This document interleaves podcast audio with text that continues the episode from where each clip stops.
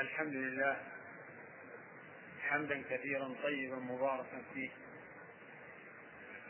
والحمد لله نحمده ونستعينه ونستغفره. ونعوذ بالله من شرور أنفسنا ومن سيئات أعمالنا. من يهدي الله فلا مضل له.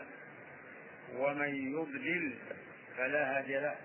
أشهد أن لا إله إلا الله وحده لا شريك له. أشهد أن محمدا عبده ورسوله. صلى الله عليه وعلى آله وصحابته ومن اهتدى بهداه إلى يوم الدين وسلم تسليما كثيرا.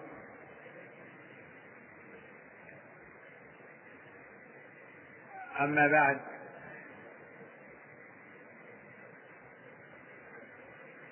فمن نعم الله علينا أن يسر لنا هذا اللقاء. نسأله تعالى أن يجعله لقاء نافعا مباركا.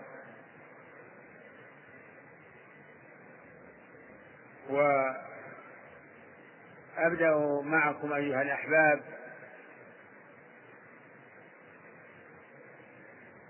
نصيبي من هذه الدورة العلمية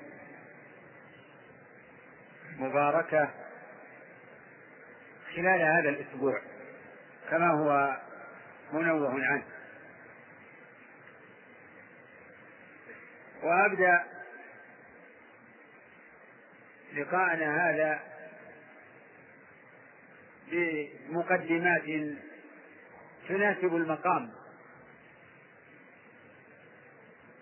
الأولى لا يخفى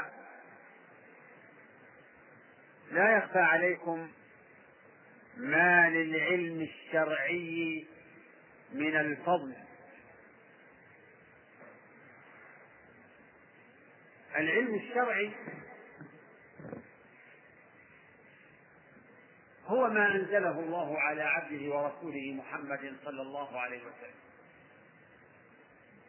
من الهدى ودين الحق.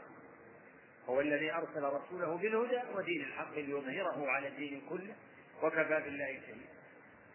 والهدى هو العلم النافع ودين الحق هو العمل الصالح. وهو وهو ثمرة العلم. وهذا العلم هو الذي يزكي النفوس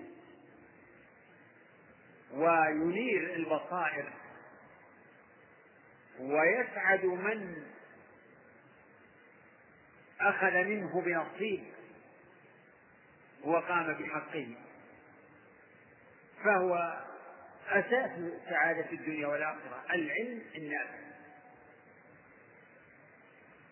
ولهذا جاء في الحديث الصحيح عن النبي صلى الله عليه وسلم أنه قال من يرد الله به خيرا يفقهه في الدين.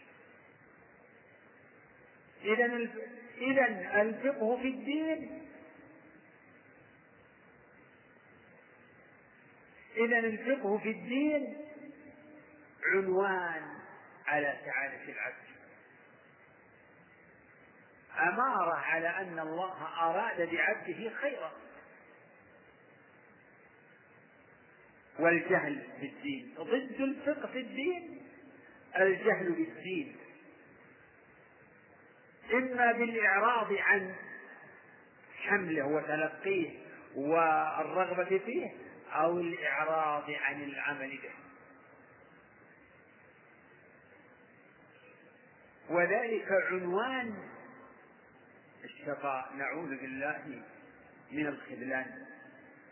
قال الله تعالى قال اهبطا منها جميعا بعضكم لبعض عدو.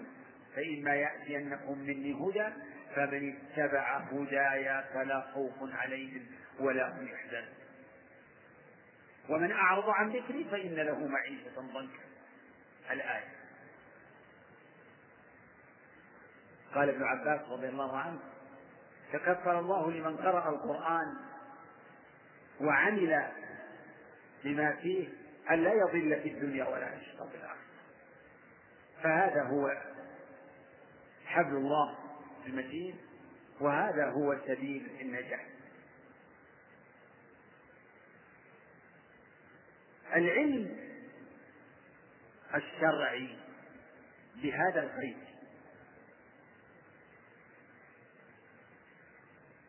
حظ عظيم جدير بأن يتنافس فيه المتنافسون. قال صلى الله عليه وسلم لا حسد إلا في اثنتين رجل آتاه الله القرآن فهو يقوم به أنا الليل وأنا النهار وفي نص آتاه الله الحكمة والحكمة هي العلم فهو يقوم فهو يقضي بها ويعلمها. والأدلة من الكتاب والسنة على فضل العلم كثيرة. وإنما المقصود التذكير والإشارة.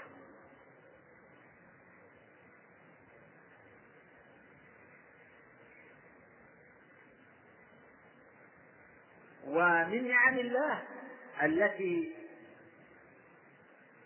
نذكر بها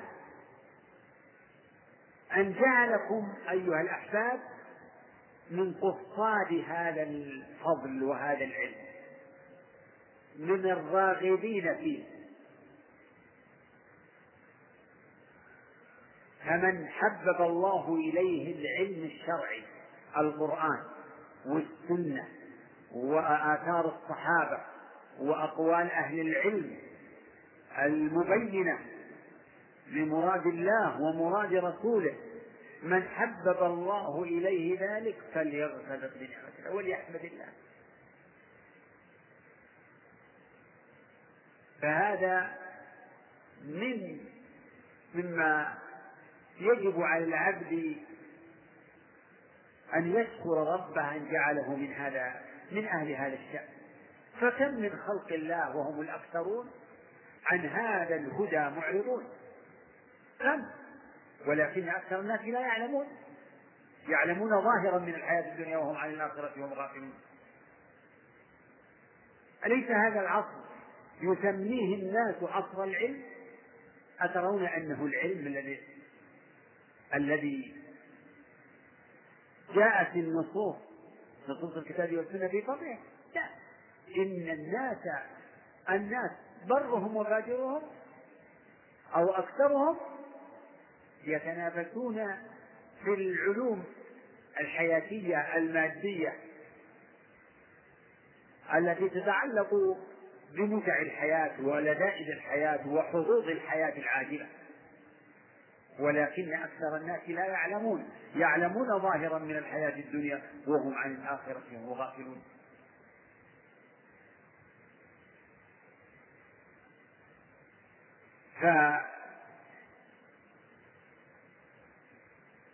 احمدوا الله على ما أولاكم وثابروا وواصلوا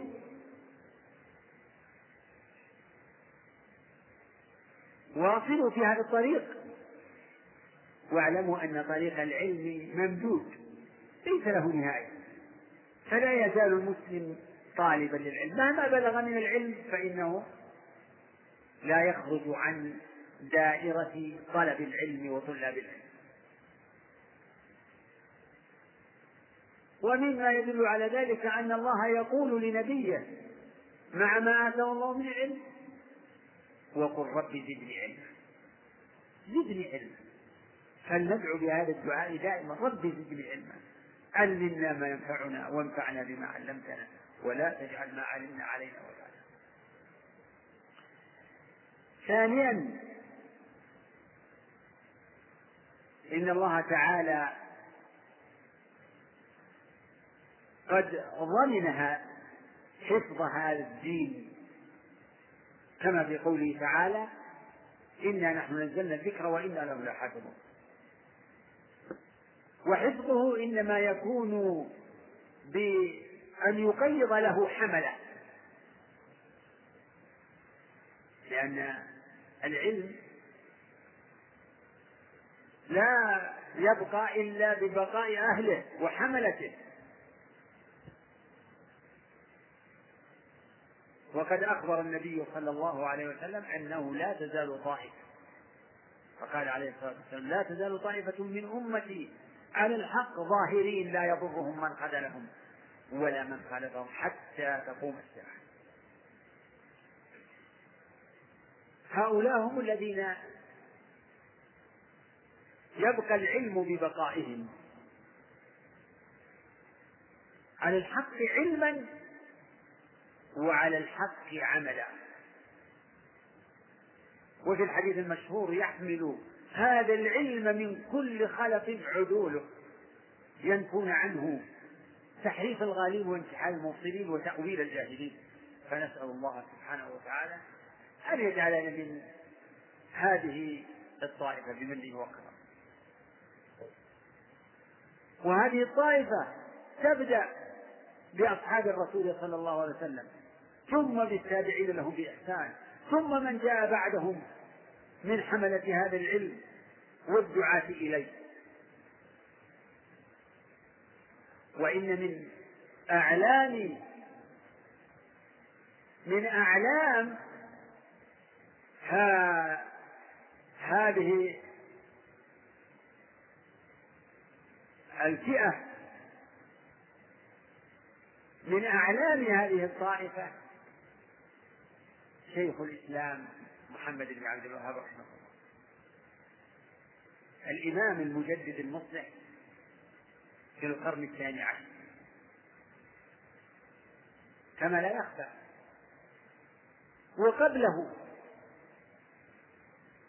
أئمة الهدى كثيرون وبعده ولا يزال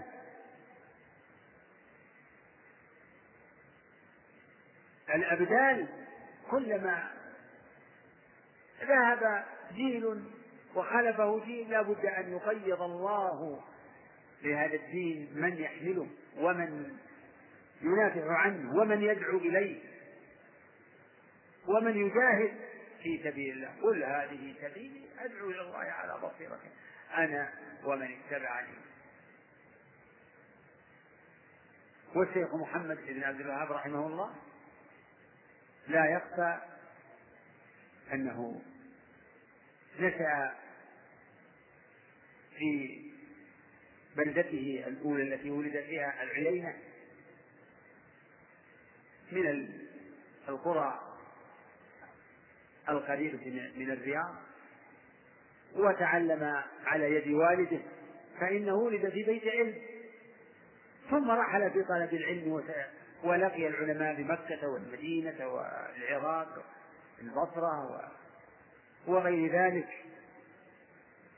ثم ألقى الله في روعه أن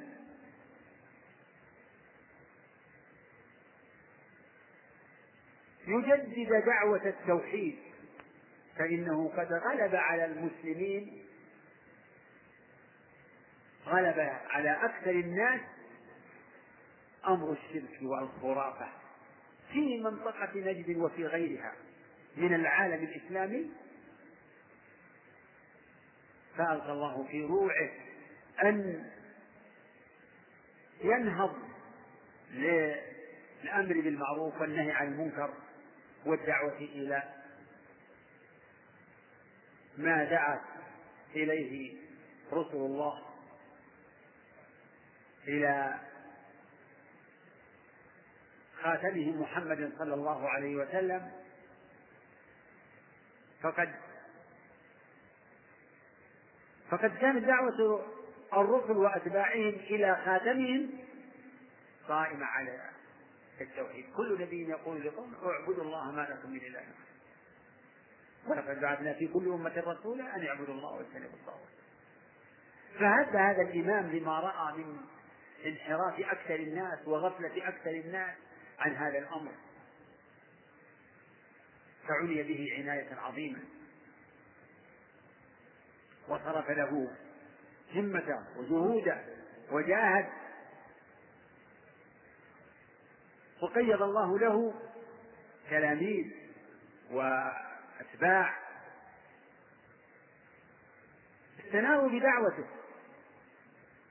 وقد امتد أثرها في هذه الجزيرة وخارجها. ومن أعظم أسباب ظهور هذه الدعوة وقوتها أن قيض الله له من يؤازره من ذوي السلطة وهو الإمام محمد بن سعود الإمام جد أسرة آل سعود. وفقهم الله للسير على منوال أسلافهم في الجهاد والدعوة إلى الله.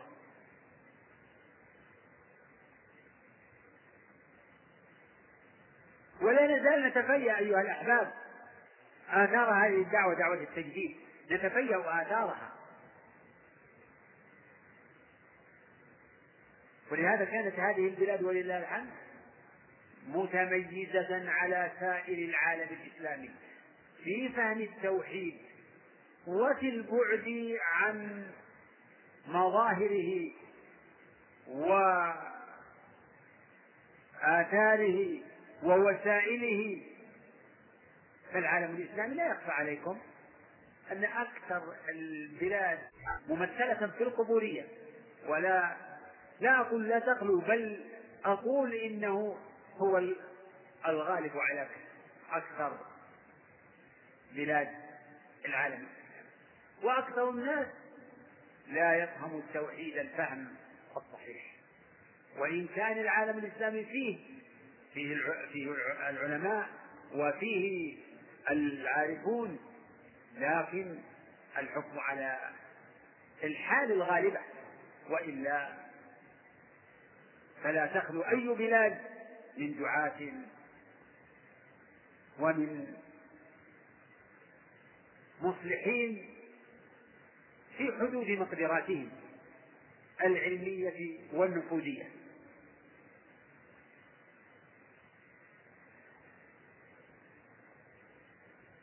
ثالثا الشيخ رحمه الله له مؤلفات. وأكثرها يدور على هذا الأصل فله كتاب التوحيد الذي هو بحق. أفضل كتاب ألف في هذا الشأن في مضمونه وفي تبويبه كتاب التوحيد الذي هو حق الله على العبيد.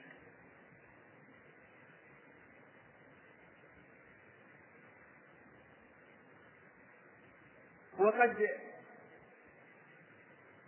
بناه على نصوص الكتاب والسنة.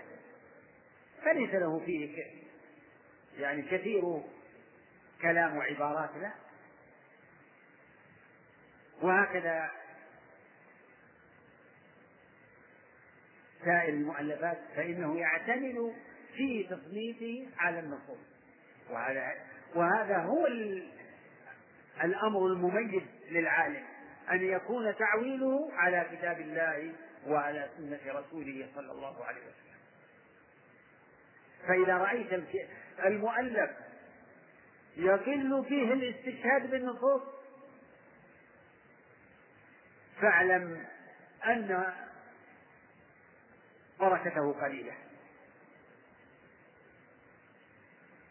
ومتى كان التركيز تركيز العالم في كلامه وحديثه وتأليفه على كتاب الله وسنة رسوله على ذكر الآيات وذكر الأحاديث لأنها هي مصدر العلم. فعليك به؟ واعلم أن هذا عنوان على عظيم صلته بينبوع الهدى ومصدر الهدى الكتاب والسنة ومن هذه المؤلفات الأصول الثلاثة التي ألفها يتعلمها صغار طلاب العلم ولكنها في حد ذاتها عظيمة ففيها التأصيل العظيم الأصول الثلاثة. معرفة العبد ربه ودينه ونبيه محمد صلى الله عليه وسلم. وقد ذكرها مجملة ومفصلة بأدلتها. والكتاب الثالث وهو الذي نريد أن نصل إلى الحديث عنه هو هذا الكتاب الذي بين أيديكم المعروف بمسائل الجاهلية التي خالف فيها المسائل التي خالف فيها رسول الله صلى الله عليه وسلم أهل الجاهلية من الكتابيين. والأميين هذا كتاب بسيط يبدو في حجمه وفي نصه يبدو بسيطا لأنه مختصر وقليل. ولكنه في التقييم العلمي كتاب عظيم جليل القدر. ويظهر ذلك بما اشتمل بمعرفة ما اشتمل عليه من المسائل الكبيرة فقد اشتمل على ما يزيد على 120 مسألة. من من تلك المسائل التي خالف فيها رسول الله صلى الله عليه وسلم أهل الجاهلية.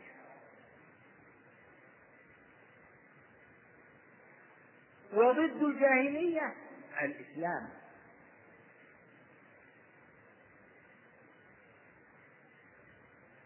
إذا هذه المسائل كلها من مسائل الدين.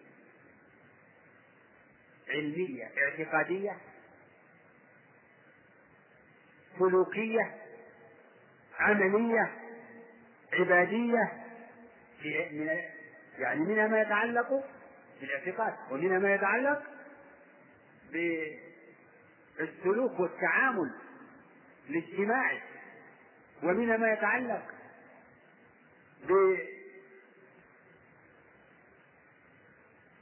بالعبادة ومنها ما يتعلق بالأخلاق.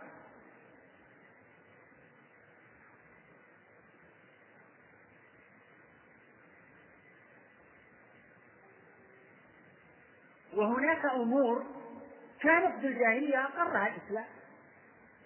يعني فلا نقول إن الرسول صلى الله عليه وسلم خالف أهل الجاهلية في كل ما كان عندهم لا لكن ما كان عندهم من الحق والفضائل أقرها وقواها وثبتها.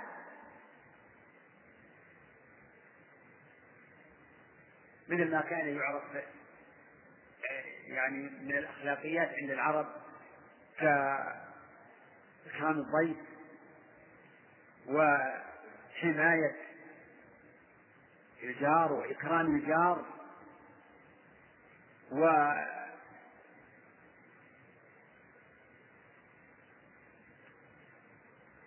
وكذلك ما يعظمونه من العفة في الجملة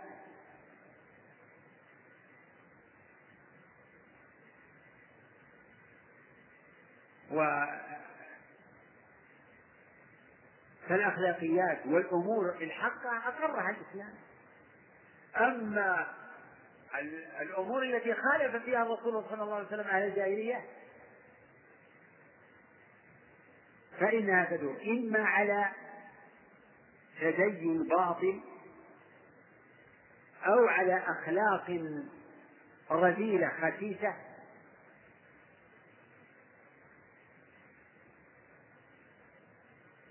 أو على عوائد سيئة. كما خالف أهل الكتاب في أمور. خالفهم فيما نسخ من دينهم وفيما ابتدعوه في دينهم وفيما كان لهم من عادات خاصة. ولهذا من مقاصد الإسلام مخالفة أهل الكتاب ومخالفة أهل الجاهليات.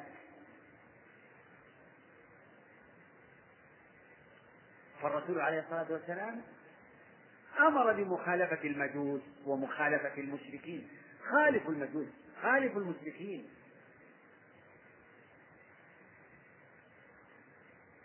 وحذر من اتباعهم وإن كان لا بد أن يقع في هذه الأمة اتباعهم. لتتبعن سنن من كان قبلكم هذا خبر لبيان ما سيقع. وفي ضمنه التحذير لتتبعن سنن من كان قبلكم حذو القدة بالقدة. حتى لو دخلوا بحر رب لدخلتموه قالوا يا رسول الله اليهود والنصارى. وفي لفظ فارس والروم قال فمن الناس إلا أولئك يعني هم المعنيون. فالشيخ رحمه الله عني بتفصيل هذه المسائل وهي جملة لا على سبيل الحصر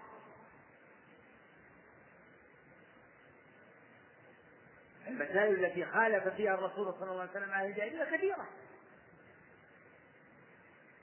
ولكن هذه من أظهرها وأبرزها. وأخيرا في المقدمات أقول يجب أن نعرف مفهوم الجاهلية الذي يرد في النصوص وفي كلام أهل العلم. الجاهلية.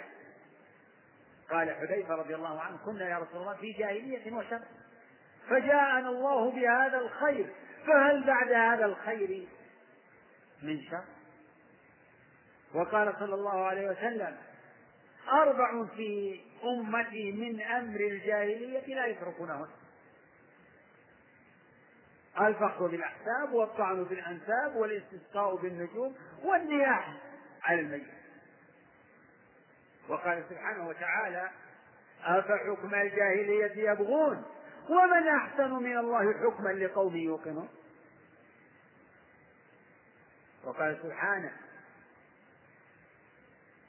في الطائفة في طائفة المنافقين أو الذين في قلوبهم مرض وطائفة قد أهمتهم أنفسهم يظنون بالله غير الحق ظن الجاهلية. فقال سبحانه وتعالى في وصاياه لنساء نبيه وهي وصايا لغيرهن كذلك من المؤمنات وقرن في بيوتكن ولا تبرجن تبرج الجاهلية الأولى. وقال سبحانه وتعالى إذ جعل الذين كفروا في قلوبهم الحمية حمية الجاهلية.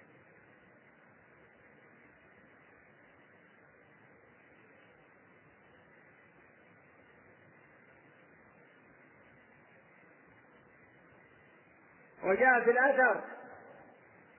إنما ينقض الإسلام عروة عروة إذا نشأ في الإسلام من لا يعرف الجاهلية. من لا يعرف ضد الإسلام. الجاهلية هذه الكلمة تعني الجهل. جاهلية نسبة إلى الجاهل فيقال هذا جاهلي أو هذا أو هذه الجاهلية أصل الكلمة. كما يقال عند أهل اللغة إنه مصدر صناعي بمعنى الجهل. وكالإنسان مثل ما يقال إنسانية.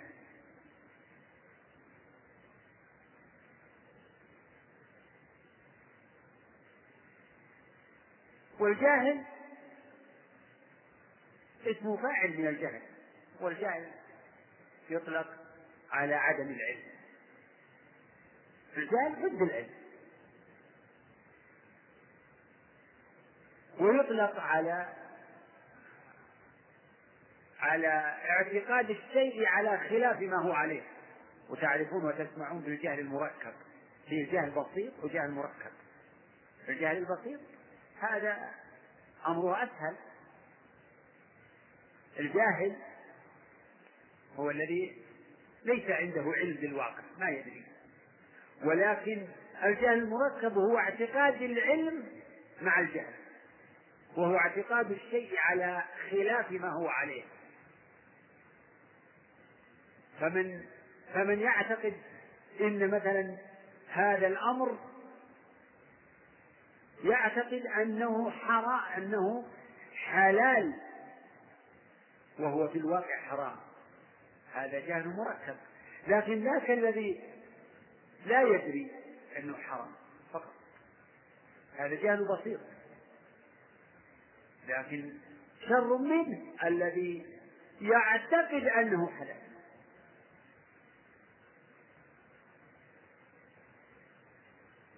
ويعبر بعض الناس عن الجهل المركب بأنه يعني أو الجاهل الجاهل المركب هو الذي لا يدري ولا يدري أنه لا يدري بل يعتقد أنه يعلم.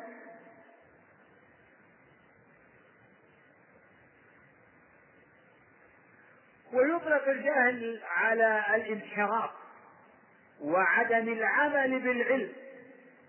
هذا جهل ولهذا جاء في القرآن التعبير عن المع عن العاصي بالجاهل كما قال سبحانه وتعالى إنما التوبة على الله للذين يعملون السوء بجهالة. يعملون السوء بجهالة. ليس المراد أنهم لا يعلمون الحكم. لا. لكنهم بعملهم السوء صاروا في حكم الجاهل بل هم أسوأ حالا من الجاهل. ولهذا قال المفسرون قال بعض السلف كل من عصى الله فهو جاهل. نعم إنه جاهل. الجهل الذي يكون بالانحراف وعدم العمل بالعلم هذا هو أقبح أنواع الجهل. الجاهلية هذه الكلمة تطلق تارة على على فترة زمنية أو حالة من الحالات. فإذا قيل مثلا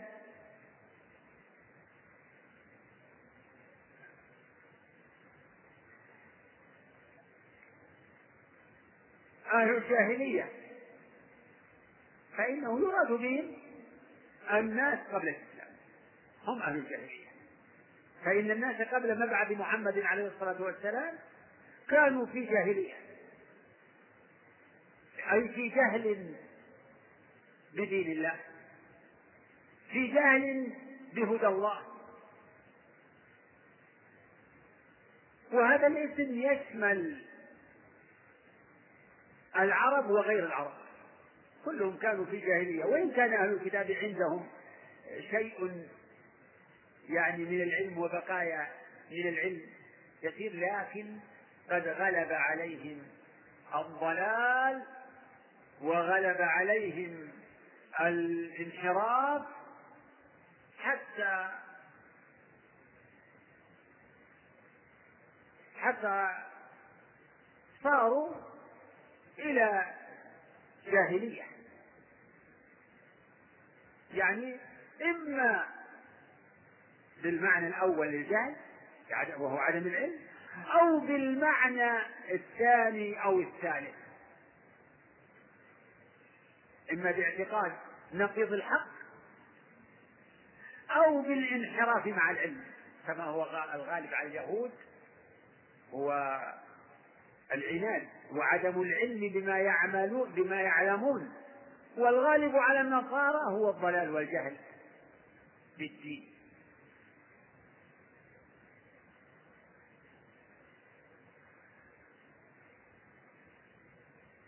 فالناس قبل الإسلام كانوا في جاهلية فيطلق هذا الاسم على الحال التي كان عليه الناس قبل الإسلام. ويطلق على الفترة الزمنية أيضا.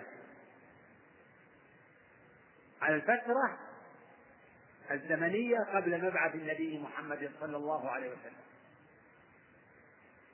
ويطلق اسم الجاهلية على على الحال والفعل أو القول المخالف لما جاء به الرسول عليه الصلاة والسلام الذي فيه المشابهة لحال أهل الجاهلية كالخصال التي نص الرسول عليه الصلاة والسلام على بعضها بهذا الاسم. حتى قال لبعض أصحابه لما قال لمملوكه يا ابن السوداء قال النبي عليه الصلاة والسلام إنك امرؤ فيك جاهلية لأن التعيير يعني بالسواد وبالخلقة أو التعيير بما كان في الآباء من المخالفات التعيير بذلك هو من شأن أهل الجاهلية. يا ابن السوداء عيره بأمه. ثم عير أمه بالسواد ولا ذنب لها في ذلك. فهذه جاهلية.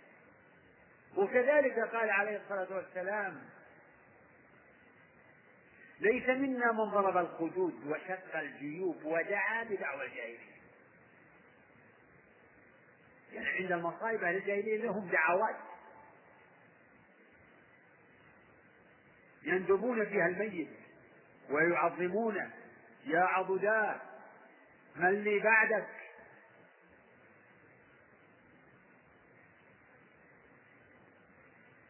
ومن عوائدهم الندب وتعداد محاسن الميت فخرا وتعاظما. وهكذا النياحة. وشق الجيوب وضرب الخدود كلها من عوائد أهل الجاهلية فهي أعمال الجاهلية.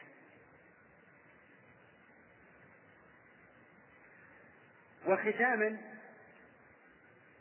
نقول إن الناس قبل مبعث محمد عليه الصلاة والسلام كانوا في جاهلية عامة فأهل الأرض كانوا في جاهلية. كما جاء في الحديث الصحيح إن الله نظر إلى أهل الأرض فمقتهم عربهم وعجمهم إلا بقايا أهل بقايا. لا. لا أثر لها. ولا تأثير لها. أما بعد ما بعث الله محمدا صلى الله عليه وسلم فقد ارتفعت هذه الجاهلية العامة. الجاهلية العامة ارتفعت فلا يكون الناس في جاهلية عامة حتى يرفع القرآن وحتى يأتي وحتى يقبض الله أرواح المؤمنين. فلا يبقى في الأرض من يقول الله الله وذلك عند عند قرب قيام الساعة. فهناك يكون الناس ينتهي الأمر.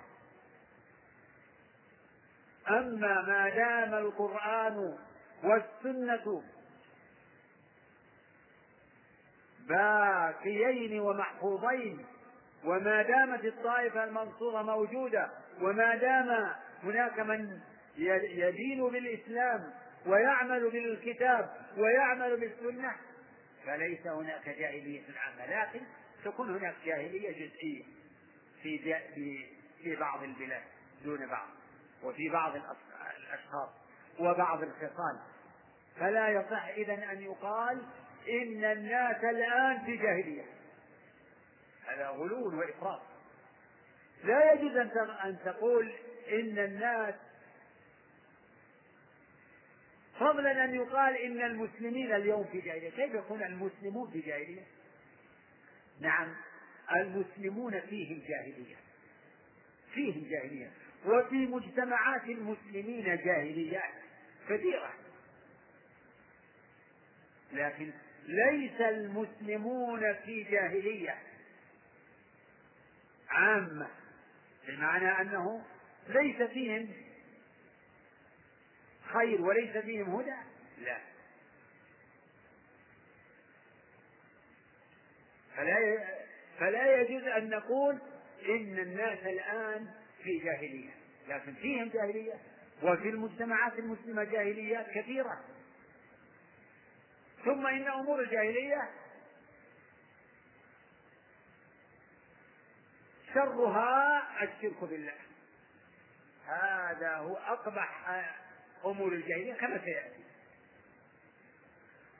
ويتدرج أمور الجاهلية تتدرج البدع كلها كل البدع جاهلية. المعاصي من أمور الجاهلية.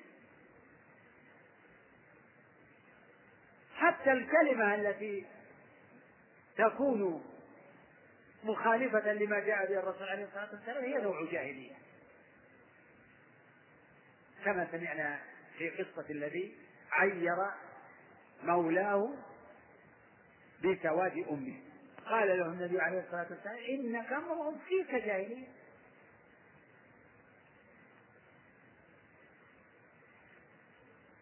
فيك جاهلية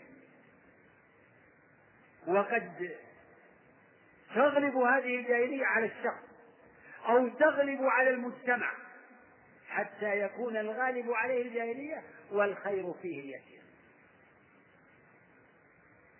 وقد تغلب الجاهلية في بعض البلاد حتى لا يبقى فيه فيها يعني أثر من آثار النبوة. كمجتمعات الكفار. مجتمعات الكفار مجتمعات جاهلية. الكفار الذين يدينون بالوثنيات. ويدينون باليهودية أو النصرانية مجتمعاتهم جاهلية. لأنهم يعيشون الجاهلية في علمهم في اعتقادهم في سلوكياتهم. لأنهم لا حظ لهم من نور النبوة. لم يكن عندهم تمسك بشيء من نور النبوة. ومن فقد الأصل لم ينفعه الباقي. الباقي لا ينفعه إلا النفع العاجل هذه لعلها يعني أهم الأمور التي يناسب التنبيه عليها قبل الشروع في هذا الكتاب. وسنبدأ في كتابنا هذا. وسيكون درسنا إن شاء الله في هذه الأيام في حدود في حدود الساعة أو الساعة والربع إن شاء الله. وسأبذل الوسع في أن نأخذ منه أكبر قدر ممكن. والكتاب وإن كان يبدو صغيرا ما أدري لعله في أيديكم. نعم. وبشكله المختصر ولا معكم شرح؟ شيخ المختصر الذي فيه نعم. نعم. نعم. هذا الكتاب البسيط. كل مسألة من هذه المسائل لو أريد الحديث عنها يعني بتفصيل لاقتضت نقول لاقتضت محاضرة. كل واحدة أو أكثر من ذلك. لكن نحاول أن آه، نمشي فيه ونقف مع ما يقتضي المقام الوقوف مع بعض الشيء. فنبدأ معكم بعون الله ونسأل الله سبحانه وتعالى التوفيق. فمن القارئ معنا؟ جمال. تفضل. الحمد لله رب العالمين والصلاة والسلام على نبينا محمد وعلى آله وصحبه أجمعين. قال شيخ الإسلام محمد بن عبد الوهاب رحمه رحمنا الله وإياه وأجل له ولشيخنا المكتوبة في كتابه مسائل الجاهلية. بسم الله الرحمن الرحيم. هذه أمور خالف فيها رسول الله صلى الله عليه وسلم ما عليه أهل الجاهلية أهل الجاهلية من الكتابيين والأميين مما لا غنى للمسلم عن معرفتها. فالضد يظهر حسنه الضد وبضدها تتبين الأشياء فأهم ما فيها وأشدها خطرا عدم إيمان القلب بما جاء به الرسول صلى الله عليه وسلم. فإن انضاف إلى ذلك استحسان ما عليه أهل الجاهلية تمت الخسارة. كما قال تعالى والذين آمنوا بالباطل وكفروا بالله أولئك هم الخاسرون. المسألة الأولى لعل نقف عند هذه البداية اليوم ونكتفي. يقول الشيخ الإمام محمد بن عبد الوهاب بسم الله الرحمن الرحيم فهذه مسائل خالف فيها رسول الله صلى الله عليه وسلم أهل الجاهلية الكتابيين والأميين.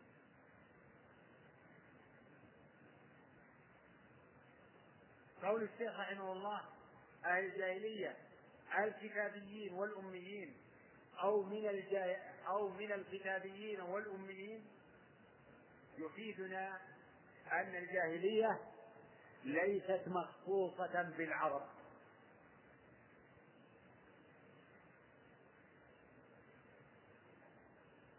الجاهلية تشمل ما كان عليه الناس قبل مبعث النبي صلى الله عليه وسلم. فالناس كانوا في جاهلية. العرب منهم والعجم أهل الكتاب والأميون. والله قد ذكر الفئتين في القرآن. قال تعالى فإن حاجوك فقل أسلمت وجهي لله ومن اتبعني وقل للذين أوتوا الكتاب والأميين وقل للذين أوتوا الكتاب والأميين أأسلمتم؟ فإن أسلموا فقد اهتدوا وإن تولوا فإنما عليك البلاغ والله بصير بالعباد.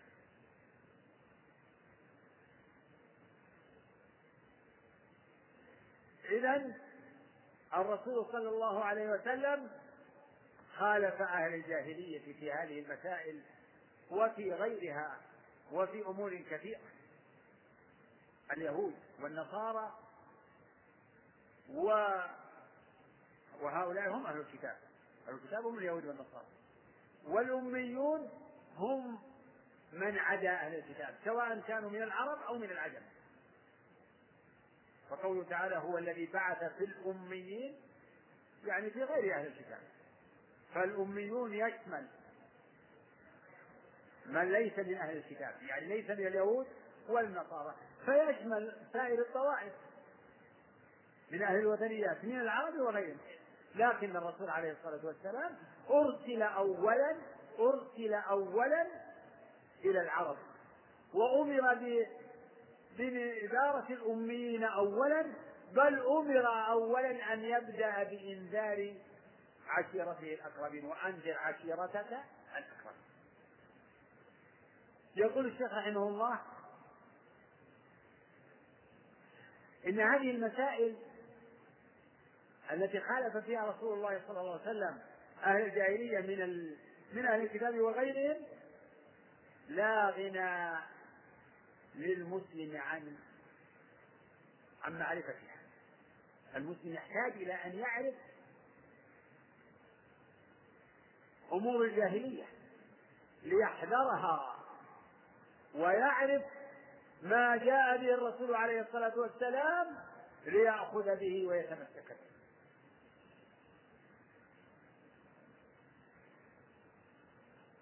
والقرآن سائر على هذا المنوال.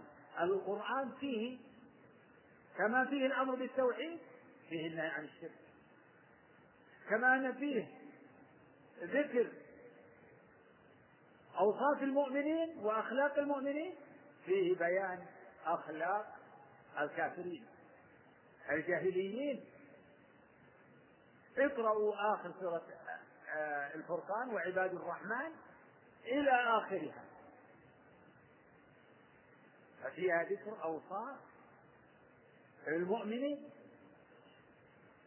ونجد في آيات أخرى ذكر أوصاف أعداء الله من اليهود والنصارى. بدءا بما في سورة الفاتحة. صراط الذين أنعمت عليهم. هؤلاء هم أهل العلم والإيمان وأهل الهدى والفلاح. غير المغضوب عليهم والضالين غير المغضوب عليهم ولا الضالين. هؤلاء هم أهل الجاهلية. من اليهود والنصارى وأشباههم. من المشركين.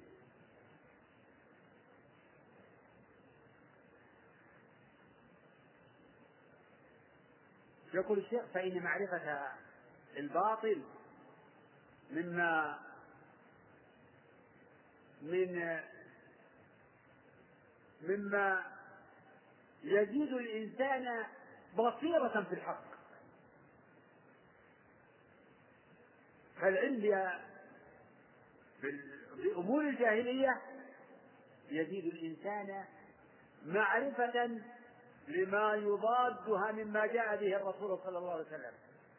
يزيده به معرفة ويزيده به حبا واحتراما.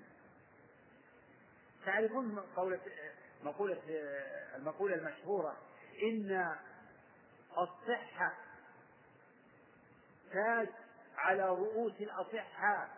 لا يراه إلا المرضى لأنهم يعانون ضد الصحة. يعانون ضد الصحة فلهذا يدركون فضل الصحة. ويستشهد الشيخ رحمه الله بهذا البيت المشهور. والضد يظهر حسنه الضد وبضدها تتبين الأشياء. الضد يظهر حسنه الضد. إذا رأيت الظلام عرفت فضل النور. إذا عرفت يعني العلم عرفت قبح الجهل. أو إذا عرفت مساوئ الجهل عرفت فضل العلم.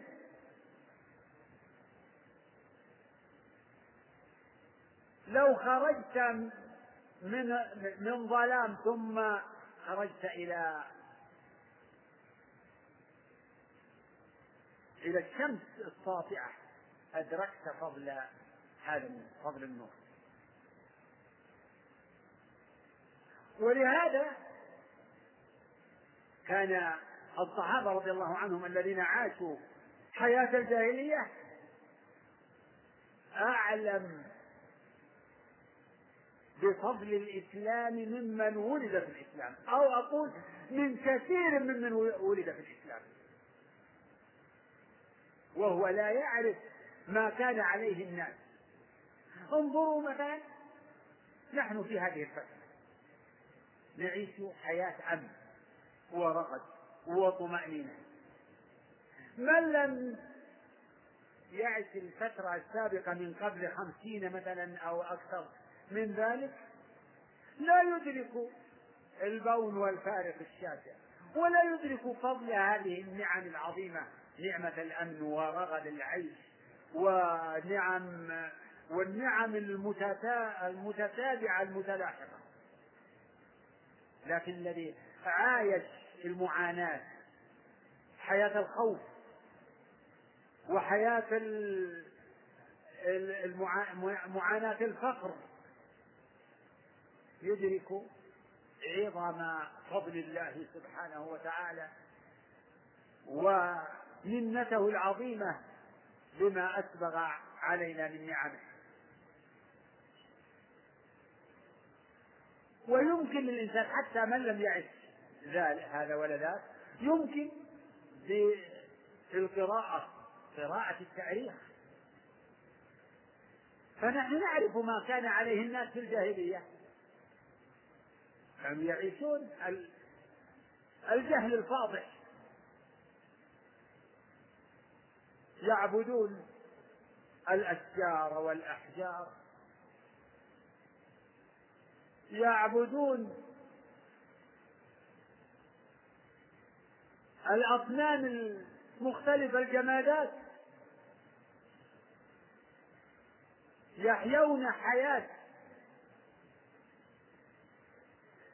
الوحوش الضارية يغير بعضهم على بعض.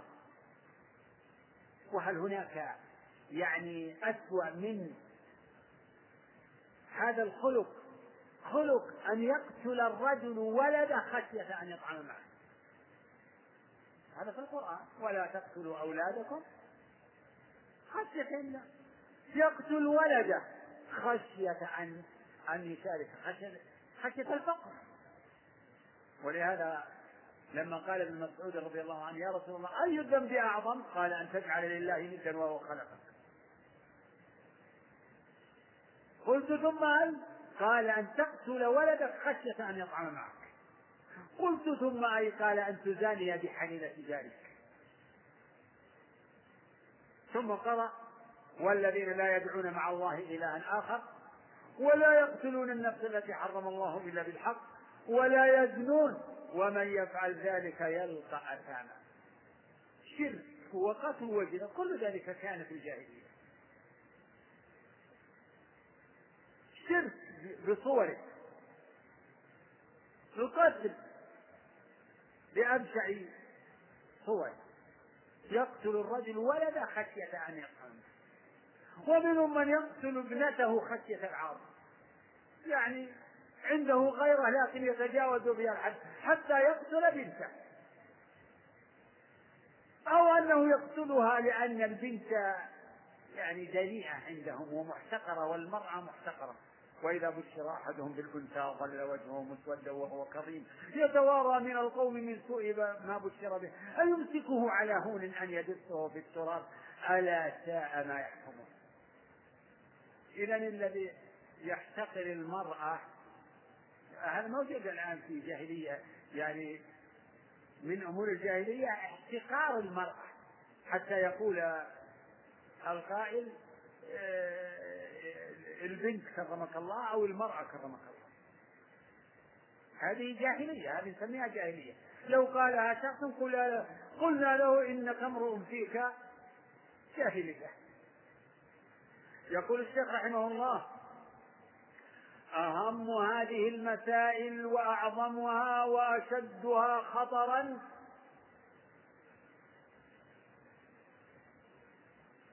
نعم. أشدها خطرا؟ عدم إيمان القلب بما جاء به الرسول صلى الله عليه وسلم. عدم إيمان القلب بما جاء به الرسول عليه الصلاة والسلام. انظروا إلى دقة التعبير عند الشيخ عدم إيمان القلب. فخرج بذلك المنافق الذي يقول يدعي الإيمان. ومنه ومن الناس من يقول آمنا بالله وباليوم الآخر وما هم بمؤمنين. وخرج به من؟ من يجهر بالكفر ويعلن الكفر. فإن كان في قلبه تصديق فلا اعتداد به فهو جاحد. وإن كان مصدقا بقلبه. قد نعلم إنه ليحزنك الذي يقولون فإنهم لا يكذبونك ولكن الظالمين بآيات الله يجحدون. إذا المعول في الإيمان على إيمان القلب. من كفر بالله من بعد إيمانه إلا من أكره وقلبه مطمئن بالإيمان. فمن أظهر الكفر فهو كافر إلا أن يكون مكرها وقلبه مطمئن بالإيمان. ومن أبطن الكفر فهو كافر بكل حال. من أبطن الكفر فهو كافر بكل حال. والكفار صنفان منافقون ومشركون.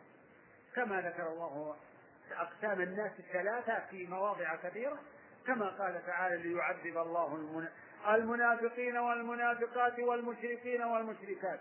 ويتوب الله على المؤمنين والمؤمنات. وكان الله غفورا رحيما. يقول الشيخ رحمه الله فإن انضاف إلى كفر القلب عدم إيمان القلب انضاف إلى ذلك استحسان ما يضاد الحق. استحسان الباطل استحسان ما كان عليه أهل الجاهلية. تمت الخسارة. ومصداق ذلك في قوله تعالى. قوله تعالى أولم يكفهم أنا أنزلنا عليك الكتاب يتلى عليهم؟ إن في ذلك لرحمة وذكرى لقوم يؤمنون. قل كفى بالله بيني وبينكم شهيدا يعلم ما في السماوات والأرض. والذين آمنوا بالباطل وكفروا بالله أولئك هم الخاسرون. الخاسرون يعني الخسران التام. أولئك هم الخاسرون. هم الخاسرون كل الخسران. آمنوا بالباطل وكفروا بالله. هذا بالضبط ضد فمن يكفر بالطاغوت ويؤمن بالله. العروة الوثقى هي الإيمان بالله يعني وبرسله وكتبه والكفر بالطاغوت هذه هي العروة الوثقى. وضدها الإيمان بالباطل والكفر بالله. قل كفى بالله بيني وبينكم شهيدا يعلم ما في السماوات والأرض. والذين آمنوا بالباطل وكفروا بالله أولئك هم الخاسرون. فالربح الحق لمن آمن بالله الإيمان التام وكفر بالطاغوت كل الكفر. والخسران التام لمن آمن بالباطل وكفر بالله. كما في هذه الآية. والذين آمنوا بالباطل وكفروا بالله أولئك هم الخاسرون. قال سبحانه وتعالى والعصر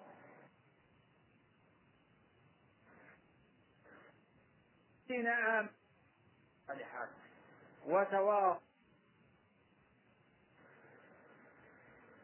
هذه المسألة الأولى الشيخ هذه أخرجها من العدد لم يذكرها في العدد جعل المسألة الأولى فكأنه جعل المسألة الأولى كأنها هي المسألة الجامعة. وما بعدها إنما هو تفصيل المسائل التي عدها الشيخ وبدأها. وذكرها بتعدادها هو تفصيل لهذه المسألة الكبرى. أعظمها وأشدها خطرا عدم إيمان القلب بما بعث الله به رسوله محمدا صلى الله عليه وسلم ويزداد الشر وتعظم الخسارة إذا انضاف إلى ذلك استحسان الباطل. فمن أعرض عن الحق واستحسن الباطل صار والعياذ بالله فاسد العقل وفاسد الفطرة لأنه حينئذ صار يرى الحسن قبيحا والقبيح حسنا فيصدق عليه قوله تعالى أفمن زين له سوء عمله أفمن زين له سوء عمله فرآه حسنا. ولعلنا نكتفي بهذا القدر في البداية ونبدأ إن شاء الله المسائل غدا بعونه وتوفيقه وصلى الله وسلم وبارك على عبده ورسوله. نعم تفضل. سائل فضيلة الشيخ قلتم إن في هذا الزمن توجد الطائفة المنصورة فكيف نعرف هذه الطائفة من بين الطوائف وجزاكم الله خيرا الرسول صلى الله عليه وسلم أجاب على هذا السؤال في حديث افتراق الأمة. حديث مشهور. وستفترق هذه الأمة على ثلاث وسبعين فرقة كلها في النار إلا واحدة. قيل من هي يا رسول الله؟ قال من كان على مثل ما أنا عليه اليوم وأصحابي. وفي لفظ وهي الجماعة. فمن كان مستمسكا بما جاء به الرسول صلى الله عليه وسلم من الهدى ودين الحق فهو من الطائفة المنصورة ومن الفرقة الناجية. هذا هو الضابط. وقد يكون الإنسان يعني من من هذه الطائفة في علمه وفي عمله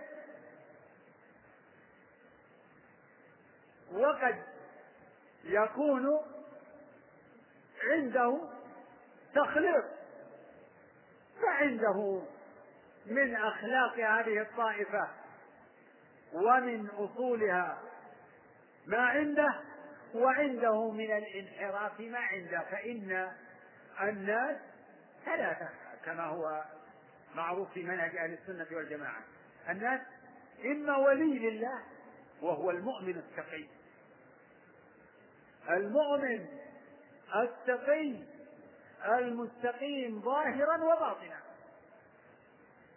ولكن نحن إنما نملك معرفة الظواهر أما البواطن فأمرها إلى الله. و...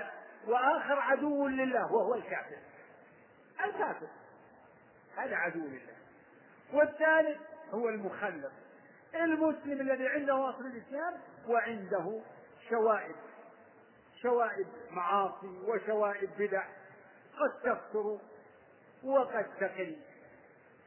فيكون يعني عنده من مقومات ولاية الله بحسب ما عنده من الإيمان والعمل الصالح والطاعة.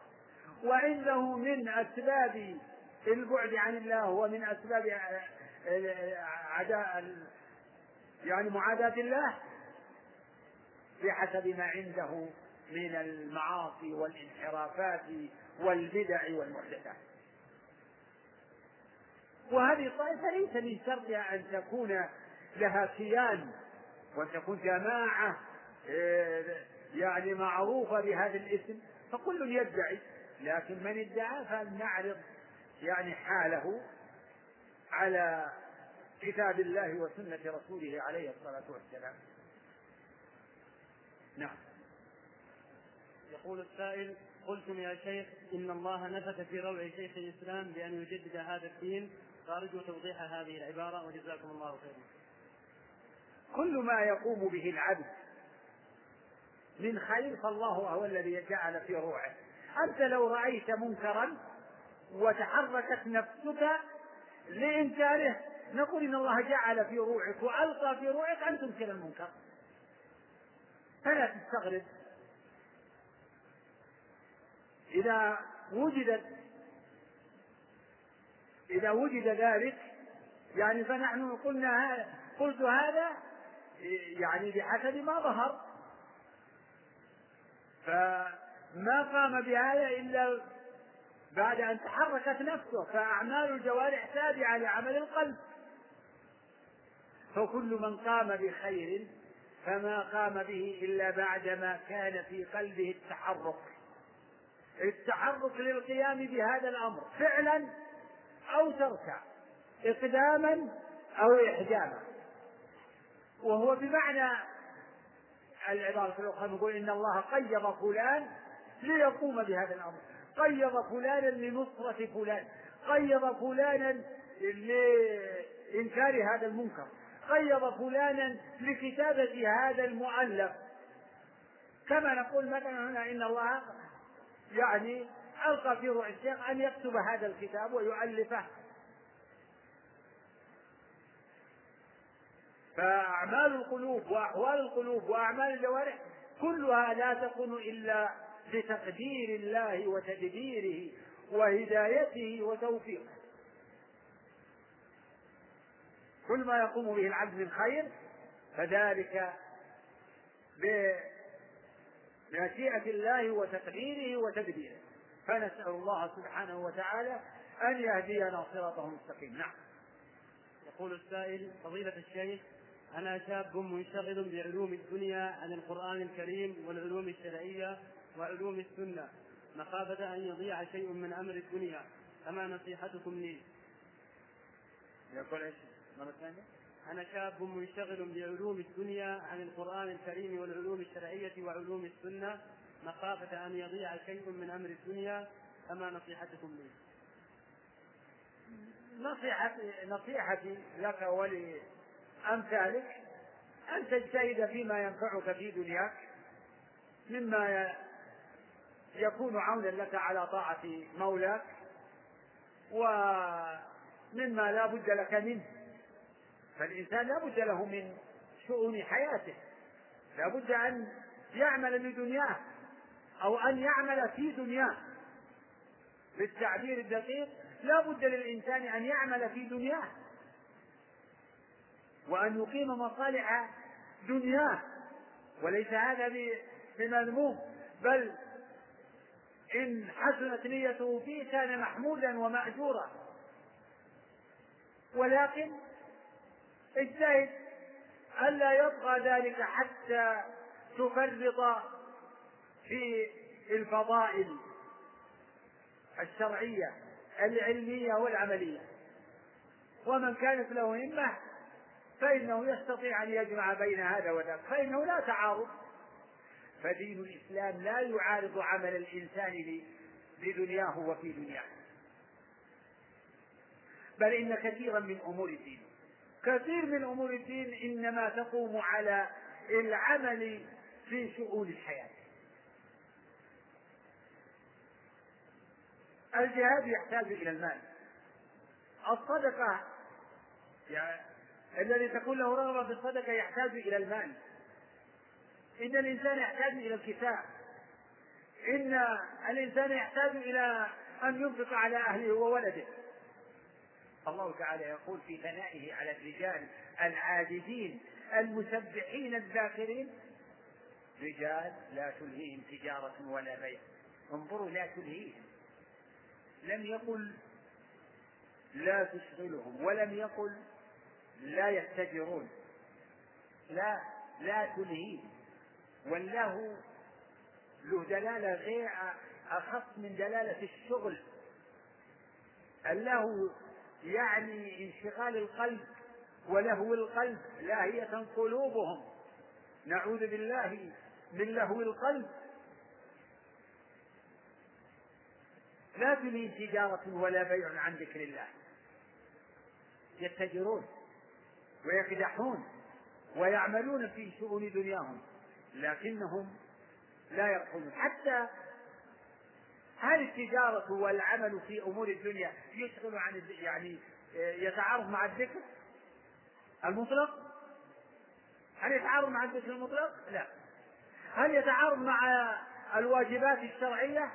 لا يمكن يترك اترك آه، البيع والتجارة وأدي الصلاة المفروضة يا أيها الذين آمنوا إذا نودي للصلاة من يوم الجمعة فاسعوا إلى ذكر الله وذروا البيع ذلكم خير لكم إن كنتم تعلمون. فإذا قضيت الصلاة تنتشروا في الأرض. الصلاة كم تستغرق؟ صلاة الجمعة الخطبة والصلاة كلها آه، تستغرق على الأكثر. كم نقدرها؟ لا لا ساعة إلا ربع. خلنا الخطبة طويلة. إيه ساعة إلا ربع. يا سبحان الله. يعني دين الله قائم على اليسر لكن المشقة تأتي من من ضعف الإيمان. كل ضعف الإيمان إيه، عظمت مشقة الطاعة. وكلما قوي الإيمان سهلت وتيسرت اللهم أذقنا طعم الإيمان وحلاوته. اللهم أذقنا طعم الإيمان وحلاوته. نعم. يقول السائل ما قولكم في الكتاب المسمى بجاهلية القرن العشرين؟ والله كتاب فيه يعني فوائد طيبة وتنبيهات عظيمة على الانحرافات الموجودة في هذا العصر. لكن الغلط فيه إطلاق اسم الجاهلية على هذا القرن يعني هذا هو الذي يمكن يؤخذ عليه إجمالا. ولا أقول إني استوعبت الكتاب لكن قرأته قديما وأعرف أنه ينبه على الانحرافات التي توجد آه، في الناس واستشرت في المسلمين يعني من التصورات والاعتقادات والسلوكيات والأخلاقيات مما يشابهون فيه أهل الجاهلية الأولى.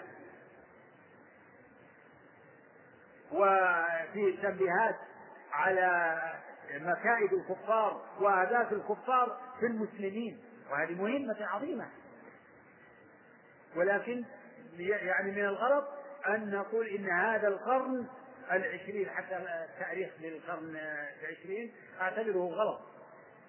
لأن لكنه كما يؤرخ بعض الناس حسب المعتاد الذي آه، غلب على المسلمين يعني من من الجاهليات التاريخ الميلادي تاريخ الميلادي جاهلية من أمور الجاهلية التاريخ الميلادي لأنه تاريخ تاريخ إسلامي ولا إيش؟ تاريخ إيش؟ نصراني التعبير الدقيق. نعم. تاريخنا أهل الإسلام هو التاريخ الهجري. تاريخنا أهل الإسلام هو التاريخ الهجري. أما التاريخ بميلاد المسيح عليه السلام فهذا يعني من عوائد النصارى. واستبدال التاريخ الهجري بالتاريخ النصراني يعني تحويله. هذا من آثار آه، ما يسمى بالاستعمار. وحرام على المسلمين أن يتركوا تاريخ الإسلام تاريخ المسلمين الذي أرخ به وبدأه الصحابة وتتابع المسلمون على اعتماده إلى أن جاء جاءت القرون المتأخرة. ويعني عصور غلبت النصارى على بلاد الإسلام.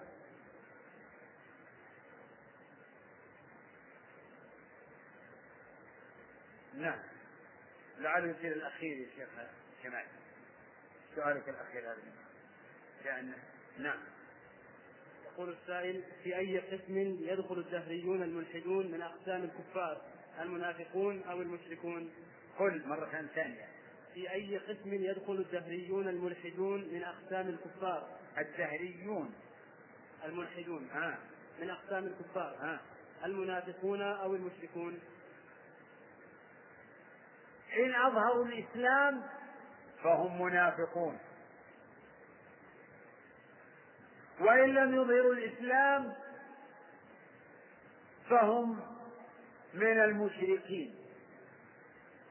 لأنهم عابد الشيطان. يعني حتى اللي ما اتخذ معبودا هو عبد الشيطان. هو عبد الشيطان. اللي ما له إله معين يحدده من حجر أو شجر أو شخص أو بشر فمعبوده الشيطان. وامتازوا اليوم أيها المجرمون ألم أعهد إليكم يا بني آدم ألا تعبدوا الشيطان؟ إنه لكم عدو مبين وأن اعبدوني هذا صراط مستقيم. فجميع المشركين جميع المشركين هم عابد الشيطان. نسأله سبحانه وتعالى أن يوفقنا لتحقيق التوحيد وأن يوفقنا لإخلاص العمل لوجهه الكريم. وأن يعيدنا من شرور أنفسنا ومن سيئات أعمالنا ومن شر الشيطان وشركه. هذا وصلى الله وسلم وبارك على عبده ورسوله.